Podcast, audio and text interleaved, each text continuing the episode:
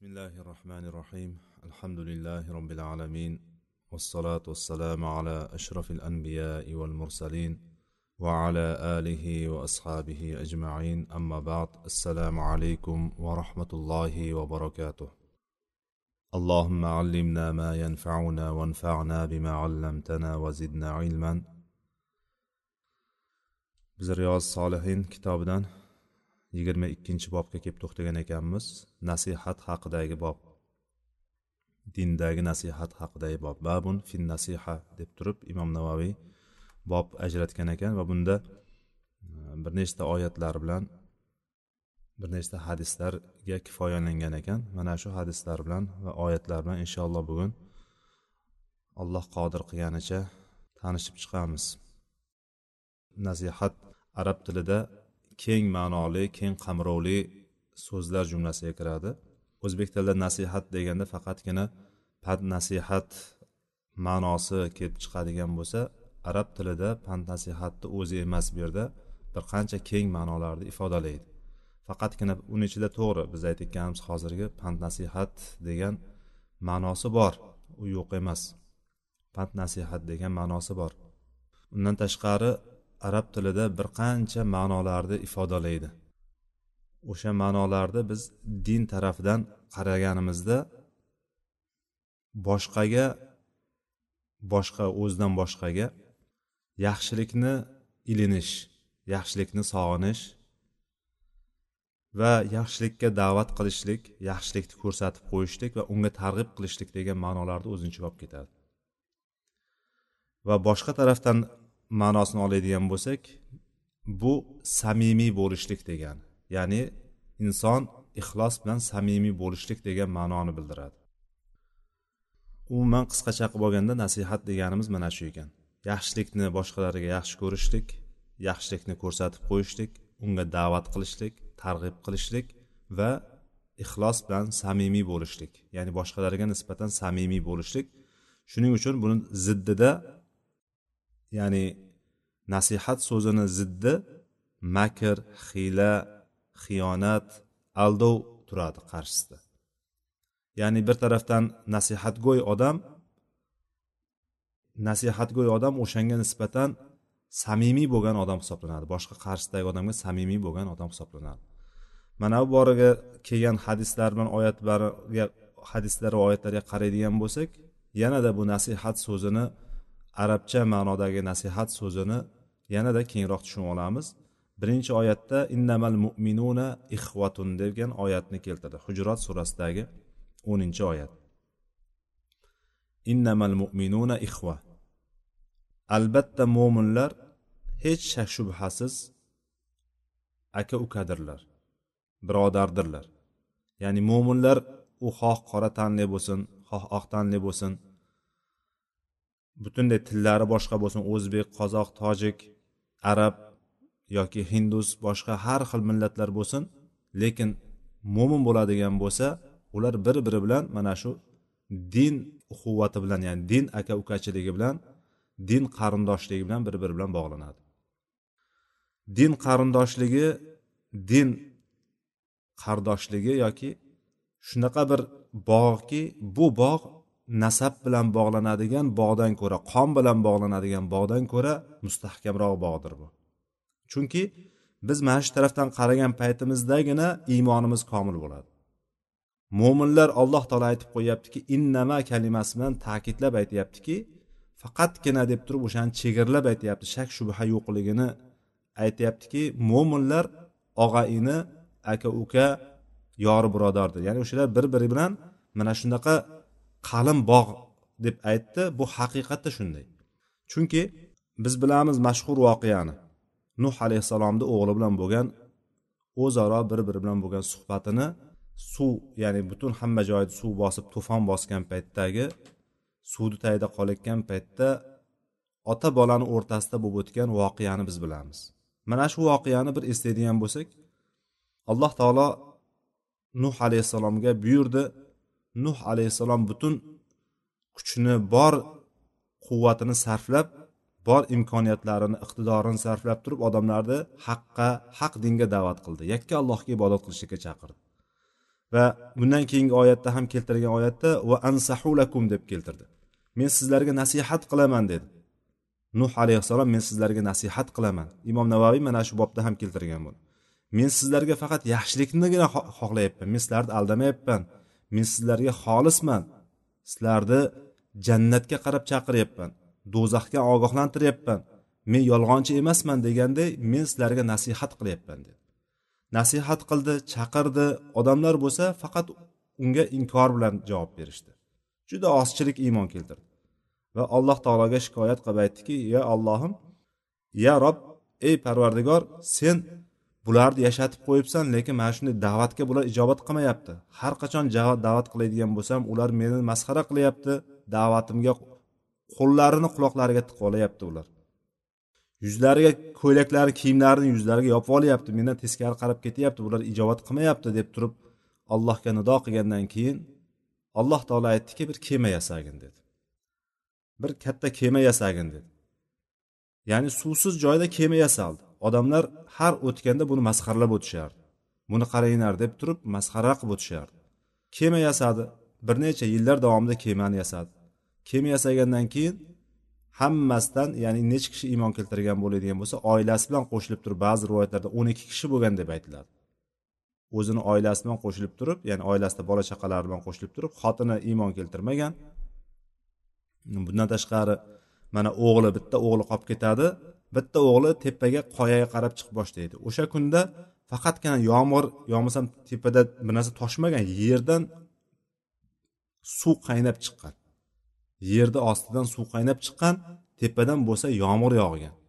Hozirgi kunda tepadan yomg'irlarni ko'rib turibmiz tepadan yoqqan sellarni ko'ryapmizki bir zumda soniyalar ichida hamma joyni yuvib ketyapti.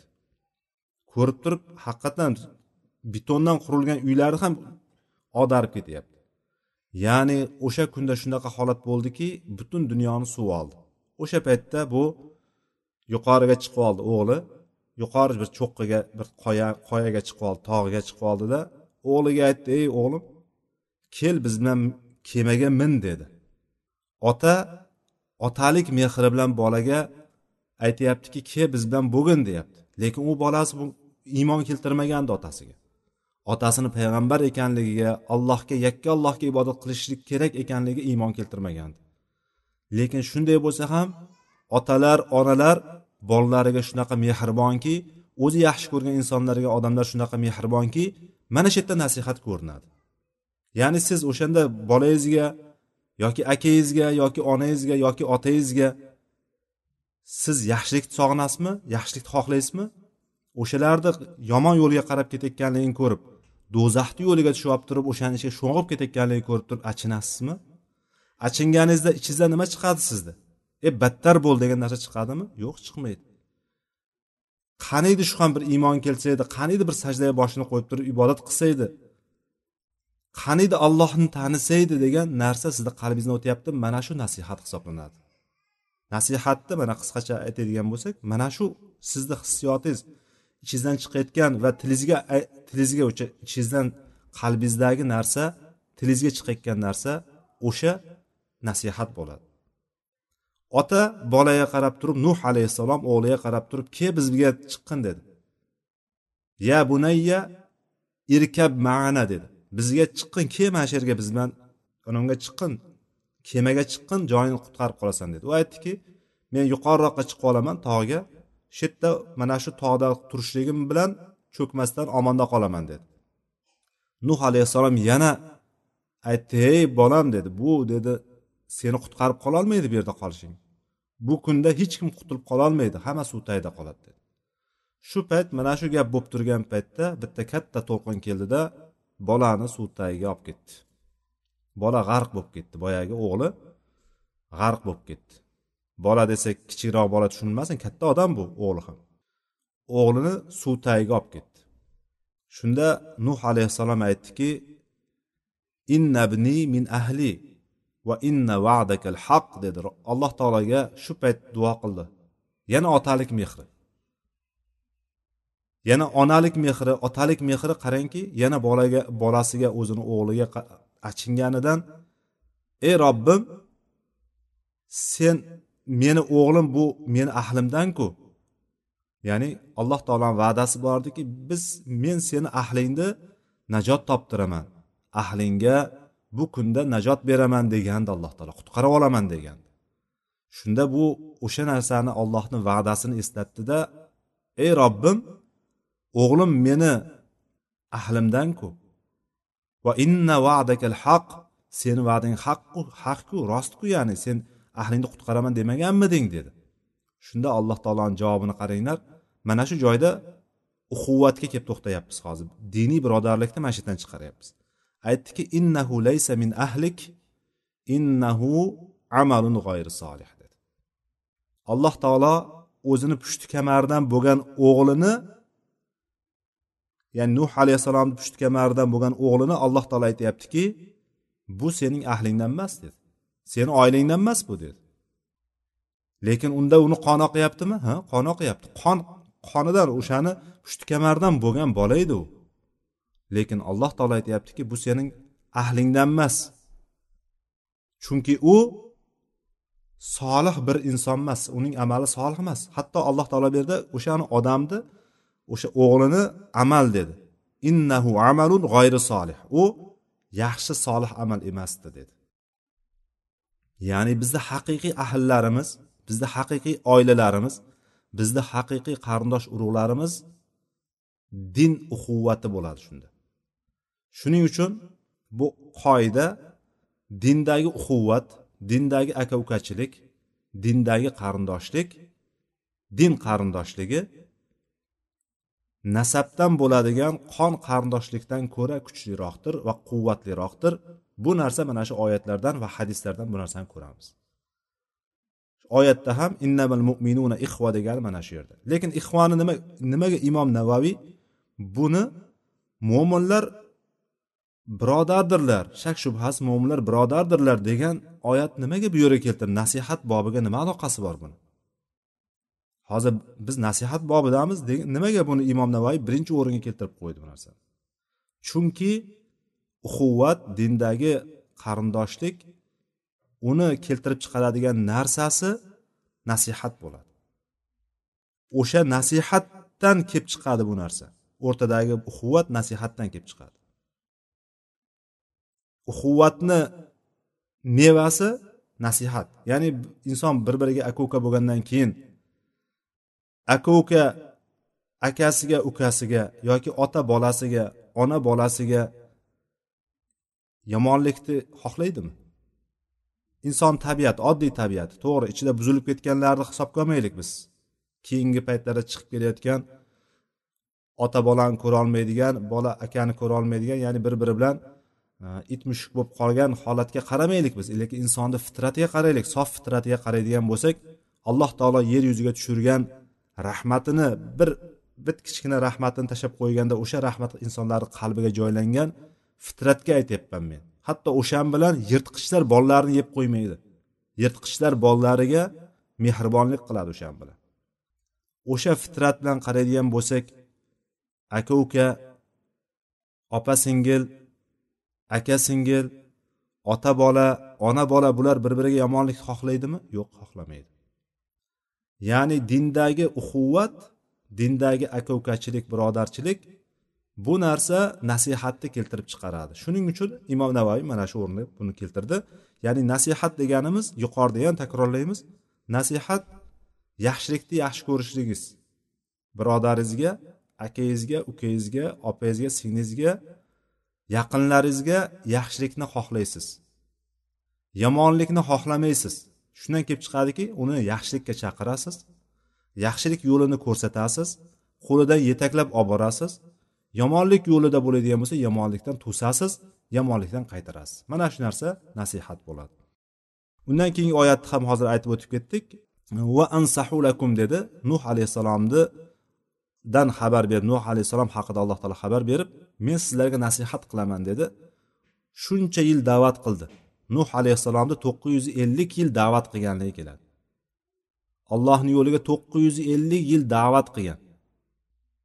O'sha paytdagi ummatlar ming yillab umr ko'rgan to'qqiz yuz ellik yil da'vat qilganda tasavvur qilyapmiz to'qqiz yuz ellik yil. Hozir bunday qaraydigan bo'lsak hech kim yuzdan ortiq yashamagan va agar yuzdan ortiq yuz yoshga kirgan odam bo'ladigan bo'lsa ham o'sha qancha payt allohga da'vat qildi deydigan bo'lsak agar da'vat ustida yurgan insonlar bo'ladigan bo'lsa ham juda oz sanalib qoladi to'qqiz yuz ellik yil oldida. Bu kishi payg'ambar. Ollohni aytganini aytgandek qilib yetkazgan hech qanday joyda sustkashlik qilmagan payg'ambar haqida bahs etyapmiz biz payg'ambar haqida gapiryapmiz o'sha payg'ambarki to'qqiz yuz ellik yil da'vat qilganda insonlar qabul qilavermaganidan men sizlarga nasihat qilyapman deb gapirdi.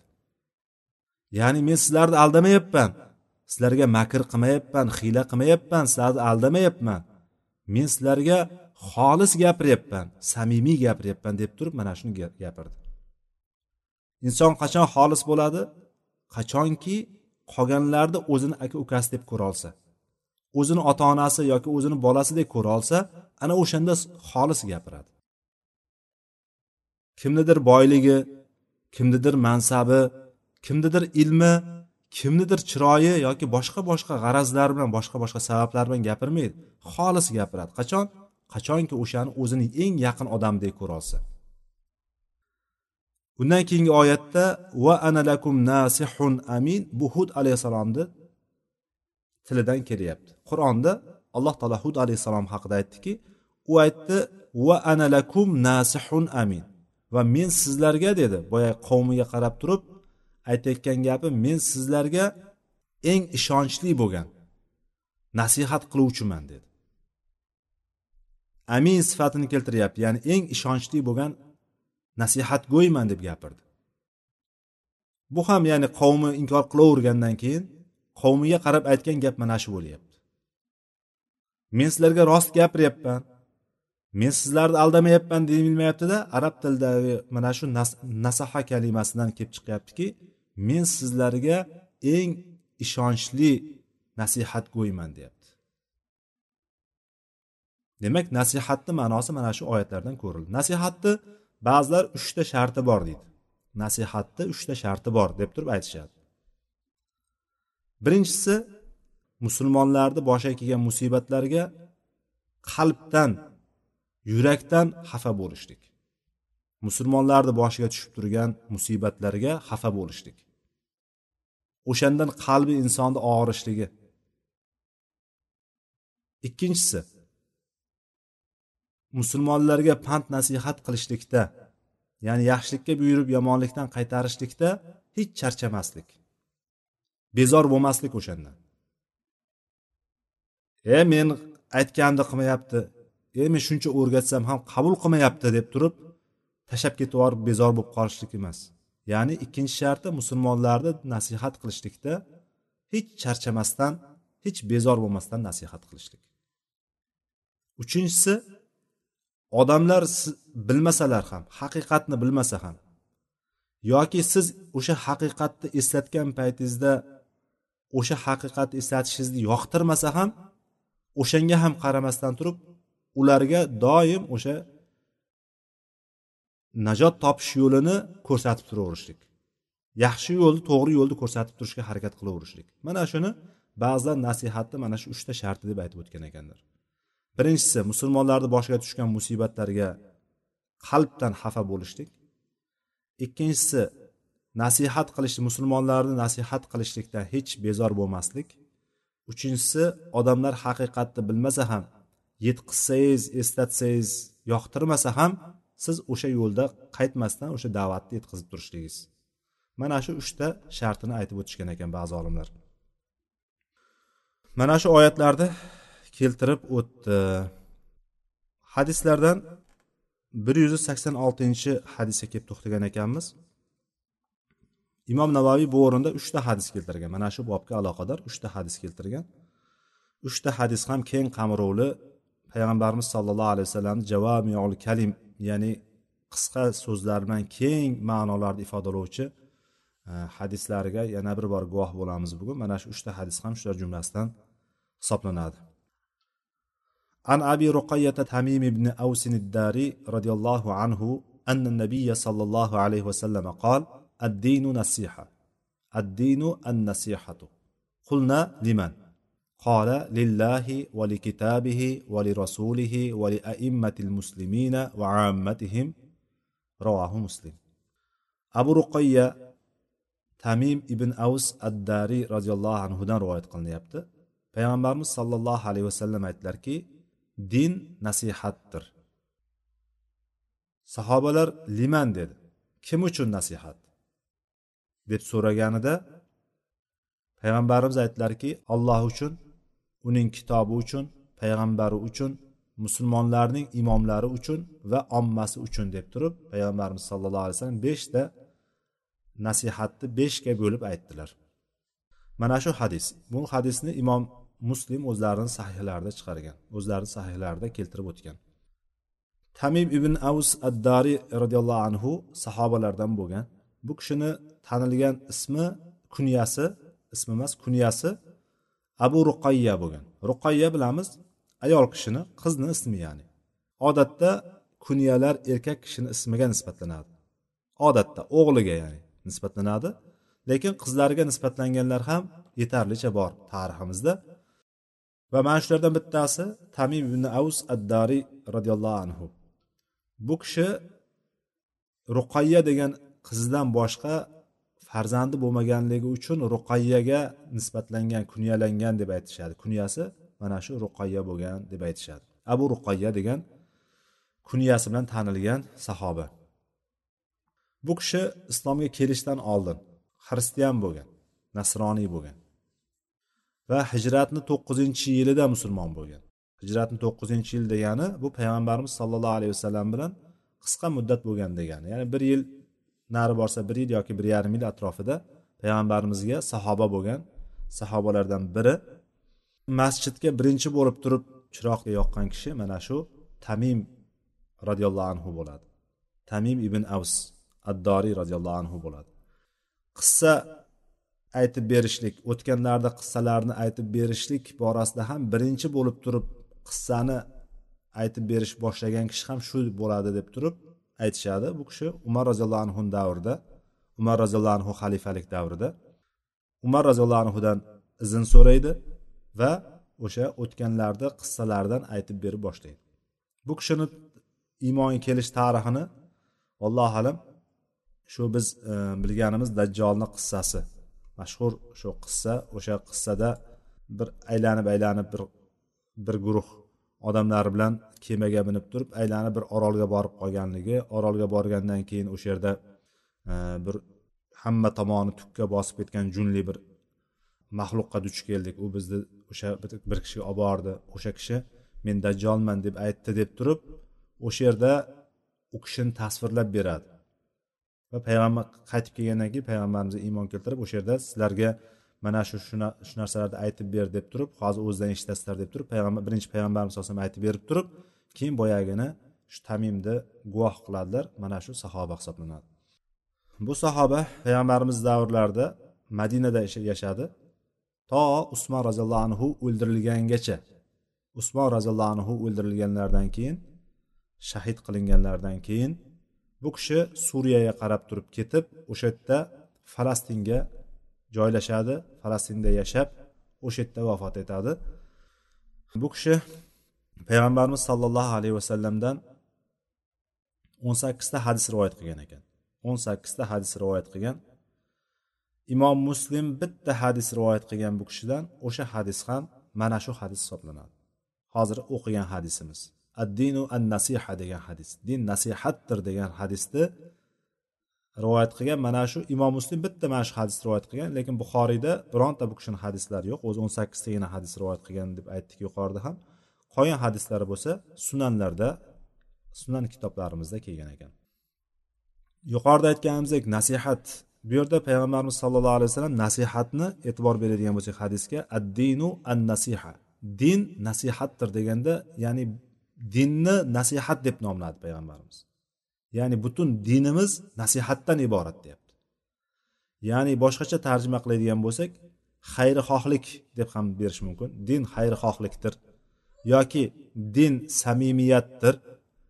Din xolis turishlikdir degan ma'nolarga berishligimiz mumkin. Din nasihat deydigan bo'lsak omma insonimiz omma o'zbeklar bu narsani nasihat deganda faqat pand nasihat qilishlik tushunib qolganligi jihatidan bunga bir necha ma'nolarni qo'yib ketyapmizki buni keyinroq tushunsin keyinroq bilsin o'shani keyinroq ma'noda ekanligini degan maqsadda aytib ketyapmiz. Din demak samimiylik xolis turishlik va xayrixohlik hammasini aytishligimiz mumkin. O'z nasihatni yuqorida ham aytdik lug'aviy ma'nosida pand nasihat berish ma'nosi bor. Birinchi keladigan ma'nosi. Keyin yaxshi va xayrli ishlarga da'vat qilishlik bor chaqirishlik bor. Yomonliklardan va yomon ishlardan qaytarishlik ma'nosi bor. Keyin bitta ishni faqatgina allohni roziligi uchungina qilishlik bor. Bir ishni faqat allohni rozi ya'ni ixlos bilan qilishlik xolis qilishlik degan narsa bor. Keyin yirtilib qolgan kiyimni tikib qo'yishlik o'shani yamab qo'yishlik degan ma'nosi ham bor. Hatto shunaqa bir ma'nosi ham borki asalni mumidan ajratishlikni ham mana shu nasihat deb turib aytishadi. Nasihat kalimasini ma'nosini ichida asalni mumidan ajratib olishlik ham bor. Mana shu o'rinda endi nasihat deganimizda birinchisi sahobalar kim uchun samimiyat din samimiylikdir dedingiz din xolis turishlik dedingiz? Bu kim uchun xolis turishlik deb so'rashdi sahobalar. Shunda payg'ambarimiz sollallohu alayhi vasallam olloh uchun allohning kitobi uchun allohning payg'ambari uchun va imomlar uchun ya'ni musulmonlarning imomlari uchun va omma uchun. Mana shunday deb turib beshta turga bo'linishligini aytdi nasihatni samimiy bo'lishlikni beshta turga bo'lib aytdilar. Shundan birinchisi allohga xolis turishlik allohga samimiy bo'lishlik allohga nisbatan samimiy bo'lishlik deb turib birinchi o'rinda mana shu narsani zikr qilib o'tdi. Allohga samimiy bo'lishlik deganda allohga xolis turishlik deganda nimani tushunamiz? Bu yerda hozir allohga nasihat qilishlik deb aytadigan bo'lsak o'zbeklarda birdan boshqa noto'g'ri tushuncha paydo bo'ladi. Nasihat qanday allohga nasihat qilamiz? Bu narsa ya'ni o'zbek tilida ishlatiladigan pand nasihat kalimasi bu o'ringa tushmaydi. Shuning uchun aytyapmizki allohga bo'lgan xayrixohlik allohga bo'lgan samimiylik allohga bo'lgan xolis turishlik deb tarjima qilyapmiz shu joyini bu narsa birinchi o'rinda insonni zimmasida turgan eng katta haq allohni haqqi bo'ladi. Insonni zimmasida turgan eng katta haq allohni haqqi bo'ladi. Chunki alloh taolo bizni yo'qdan bor qildi. Yo'q edik bor qildi. Va bizga biz so'ramasak ham berib tashladi har qancha ne'matlarni berib qo'ydi.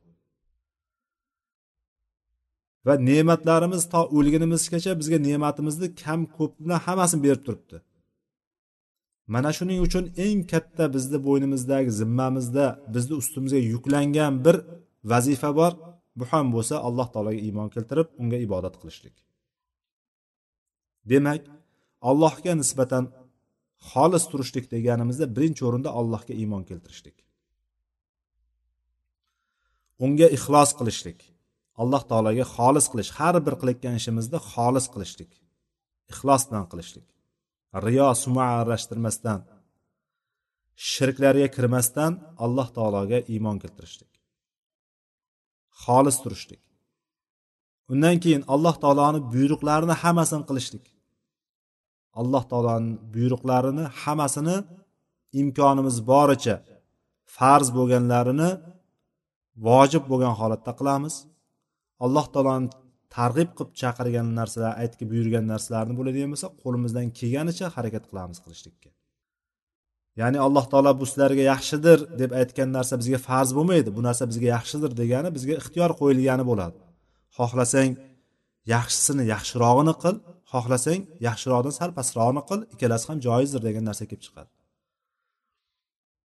Va antasumu xayrul lakum oyatidan misol olishimiz mumkin. Kasallarga safarda yurganlarga alloh taolo ruxsat berib qo'ydi. Ro'za tutmaslikka ruxsat berib qo'ydi. Musofir kishiga kasal kishiga. Lekin orqasidan aytdiki agar bilsalaring bu ro'za tutishlaring sizlar uchun yaxshiroqdir dedi.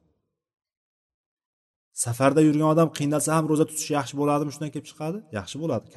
Kasal kishi ro'za tutishga qiynalsa ham ro'za tutsa yaxshi bo'ladimi? Bu oyatdan yaxshi bo'ladi. Mana shunday va alloh taoloni qaytargan narsalardan qaytishlik. Alloh taolo nimadan qaytargan bo'lsa o'sha narsani hammasini qaytishlik. Va alloh taoloni ibodat qilishlikda muhabbat bilan alloh taologa alloh taoloni ulug'lab alloh taologa ibodat qilishlik. Alloh taolodan qo'rqib alloh taolodan qo'rqishlik va harom qilgan narsalardan uzoq turishlik. Mana bu hammasini sanaydigan bo'lsak hammasi kirib ketadi. Mana shu bobga kirib ketadi alloh taoloni doimiy zikr qilishlik. Til bilan qalb bilan butun jismimiz bilan alloh taoloni zikr qilishlik. Zikr qilishlik oldin ham aytgandik zikr qilishlik faqatgina alloh taologa subhanalloh allohu akbar alhamdulillah deyishlikni o'zi emas. Bu ham zikr. Zikrni kattalari bular ham. Lekin zikrni asli ma'nosi alloh taoloni muroqabasini alloh taolo meni doimiy kuzatib turibdi degan narsani his qilib yashashlik. Alloh taoloni ko'rib turgan ekanligini alloh taoloni har bir qilayotgan ishimizni bilib turgan ekanligini har bir aytayotgan hatto pichirlab bir birimizga aytayotgan gaplarimiz hech kim yo'q joyda bir birimiz bilan gaplashayotgan sirli gaplarimizni ham alloh taolo eshitib turayotganligini his qilib mana shuni unutmaslik. Ya'ni zikrni boshqacha qilib aytadigan bo'lsak eslashlik emas unutmaslik deb aytadigan bo'lsak mana bu yanada mukammalroq bir tushunchaga ega bo'lamiz. Qalb bilan doimiy bo'lib turadigan bo'lsa qalb bilan mana shu narsa ollohni unutmaslik allohni esiga solib turishlik doimiy qalbimizda bo'ladigan bo'lsa qalbimiz butun jasadimizni hokimi podshosi. Podsho nima desa o'shani qiladi xalq. Iloji yo'q boshqada bo'yin tovlolmaydi qalbimiz bizni butun jismimizni butun badanimizni podshosi. Nimani buyursa shuni qiladi. Demak zikr qilishlikni qalbimizga tushiradigan bo'lsak doim har bir qilayotgan ishimizni boshida alloh taolo shunga nima degan ekan? Alloh taolo shundan qaytarganmikan? Shu narsani olloh hozir ollohni huzuriga borganimda ham shu narsamni oqla olamanmi yo'qmi shu narsani? Shu qilyapman mana shu ishni qilyapman yoki mana shu narsani aytyapman ertaga ollohni huzurida borganda ham shu narsani ayta olamanmi? Qila olamanmi? Qilgan narsam meni foydamga hujjat bo'ladimi degan narsa qalbimizda doim bo'ladigan bo'lsa butun bizni a'zolarimiz hammasi o'ynaladi. Mana bu hadis bilan kelgan ida salohat salohal jasadu kulluhu. Qalbdagi qalb agar o'nglanadigan bo'lsa qalb tuzaladigan bo'lsa butun jasad tuzaladi. Bu allohga nisbatan xolis turishlikni ichiga mana shular kirib ketadi ekan. Umumiy olgan paytimizda yana bunga ko'p narsalarni keltirishimiz mumkin. Darsimiz cho'zilib ketmasin deb buni qisqacha qisqacha aytib o'tyapmiz. Undan keyingisi allohni kitobiga nisbatan. Allohni kitobiga xolis turishlik. Allohni kitobiga samimiy bo'lishlik deganimizda nima tushuniladi? Allohni kitobiga samimiy bo'lishlik deganimizda alloh taoloni kitobini birinchi o'rinda iymon keltirishligimiz. Allohni kitoblarini hammasiga iymon keltirishligimiz. Bu oldingi qur'ondan oldingi kitoblarni hammasiga birinchi o'rinda oladigan bo'lsa butun tushirilgan kitoblariga ibrohim alayhissalomga jo'natilgan sahifalardan boshlab muso alayhissalomga tushirilgan tavrot muso alayhissalomdan keyin dovud alayhissalomga tushirilgan zabur undan keyin iso alayhissalomga tushirilgan injil bularni hammasiga biz umumiy suratda alloh tarafidan tushirilgan xalqlarni hidoyati uchun ular to'g'ri yo'lga boshlashlik uchun nur qilib hidoyat qilib bayon qilib turib alloh taolo bu narsani tushirgan deb turib umumiy suratda iymon keltiramiz.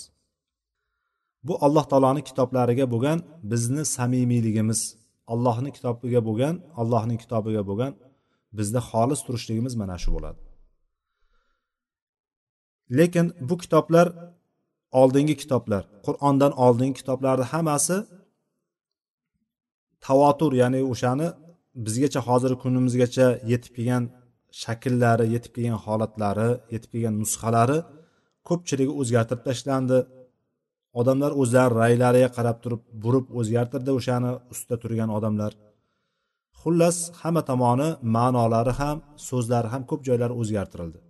Lekin bizga o'sha o'rnida turgan ahli sunna val jamoani e'tiqodida biz shunday o'rinda turamizki bu kitobni tavrot deb olaylik yoki injil deb olaylik.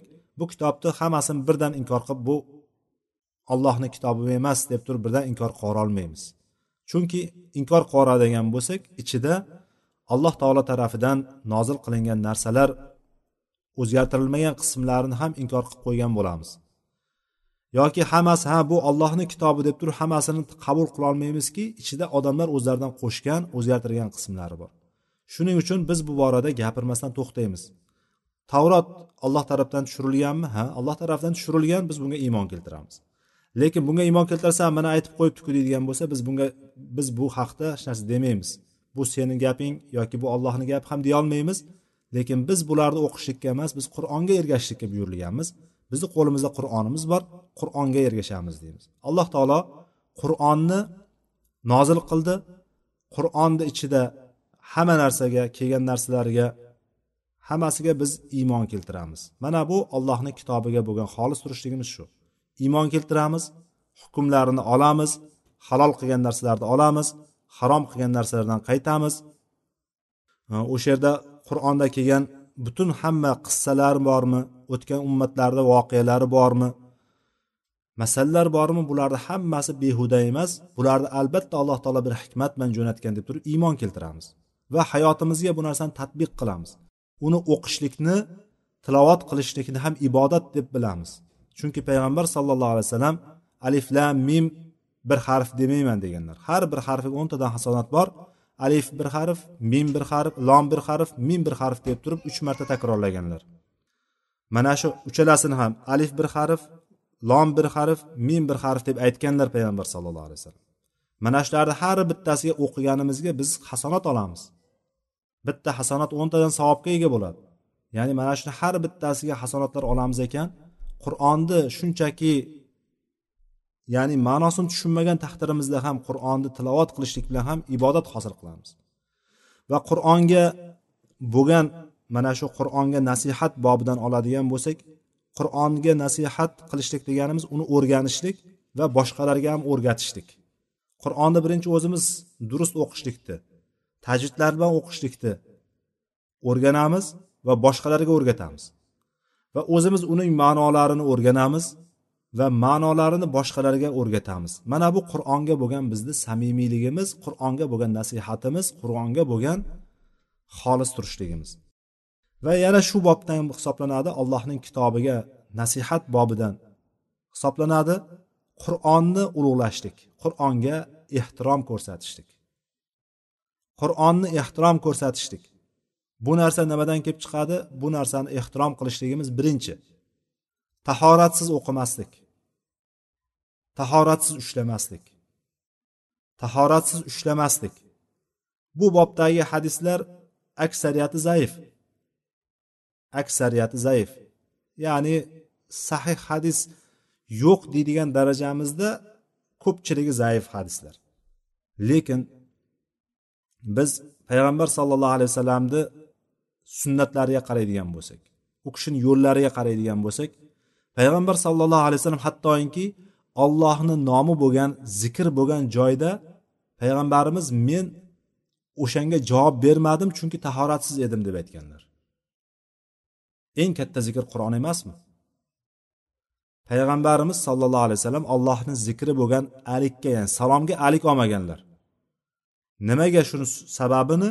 Men orqasidan o'shani sababini aytganlarki men ollohni tahoratsiz holatda zikr qilishni yoqtirmayman deganlar. Endi bundan kelib chiqadiki qur'on eng katta zikr. Allohni kalomi bu. Allohni kalomini tahorat bilan ushlashlik demak bu ehtirom qilishlik qur'onga bo'lgan bizni xolis turishligimizdan bo'ladi. Bu vojib emas. Mana shu vojib ekan buni albatta tahorat bilan ushlashimiz kerak ekan degani emas. Lekin qo'limizdan kelganicha demak o'shani qur'onni tahorat bilan ushlashlikka harakat qilishligimiz kerak. Chunki payg'ambar sallallohu alayhi vasallamdan keyin hadis mana ibn usaymiy rahimalloh keltirib ketyapti. La yamassul qur'an illa tohir. Qur'onni faqatgina tohir kishi ya'ni pok kishigina ushlaydi deganlar. Ya'ni bu hadisni zaif anosiga zaif yo sahihligi emas biz aytayotganimiz hozirgi to'xtagan joyimiz. Hattoki yoddan o'qiyotgan paytimiz hamda ham tahorat bo'lishligi bu narsa qur'onga bo'lgan nasihatimiz qur'onga bo'lgan xolis turishligimizdan hisoblanadi. O'sha ham qur'onga bo'lgan qur'onga nisbatan bo'lgan xolis turishligimiz bo'ladi. Chunki alloh taolo aytadiki zalika va man yuazzim sha'airallohi fa innaha min taqval qulub degan. mana shunday.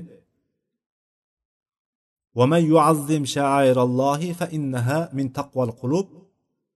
Kim allohning shiorlarini ulug'laydigan bo'lsa bas bu mana shu narsa. Qalblarning taqvosidandir degan. Mana shuning uchun demak qur'onni biz o'qiyotgan paytimizda tahorat bilan ushlashligimiz tahoratsiz paytida yoki g'ilofi bo'ladigan bo'lsa ushlashligimiz joiz lekin ichini ochayotgan bo'lsak qo'limizda bir narsa bilan ushlab ochishligimizni ulamolar mana shunga ehtirom yuzasidan deb aytishadi. Va qur'onga ehtirom ko'rsatishlik jihatidan hisoblanadi. Qur'onga ehtirom ko'rsatishlik jihatidan hisoblanadi. Uni xor qiladigan joylarga tashlamasligimiz. Oyoq kiyim qo'yadigan joylarga qo'ymasligimiz. Masalan masjidlarda bo'ladigan bo'lsa oyoq kiyim qo'yadigan joylariga qo'ymasligimiz. Yoki yoki iflos narsalar qo'yiladigan joylarga qo'ymaslik. Mana bu narsalarga biz e'tibor ko'rsatishligimiz demak qur'onga bo'lgan nasihatimizdan qur'onga bo'lgan xolis turishligimizdan bo'ladi. Inshaalloh keyingi darsimizda mana shu hadisni davomini ettiramiz. Va axiru davana alhamdulillahi robbil alamin. Vallohu alam. سبحانك اللهم وبحمدك أشهد أن لا إله إلا أنت أستغفرك وأتوب إليك. والسلام عليكم ورحمة الله وبركاته.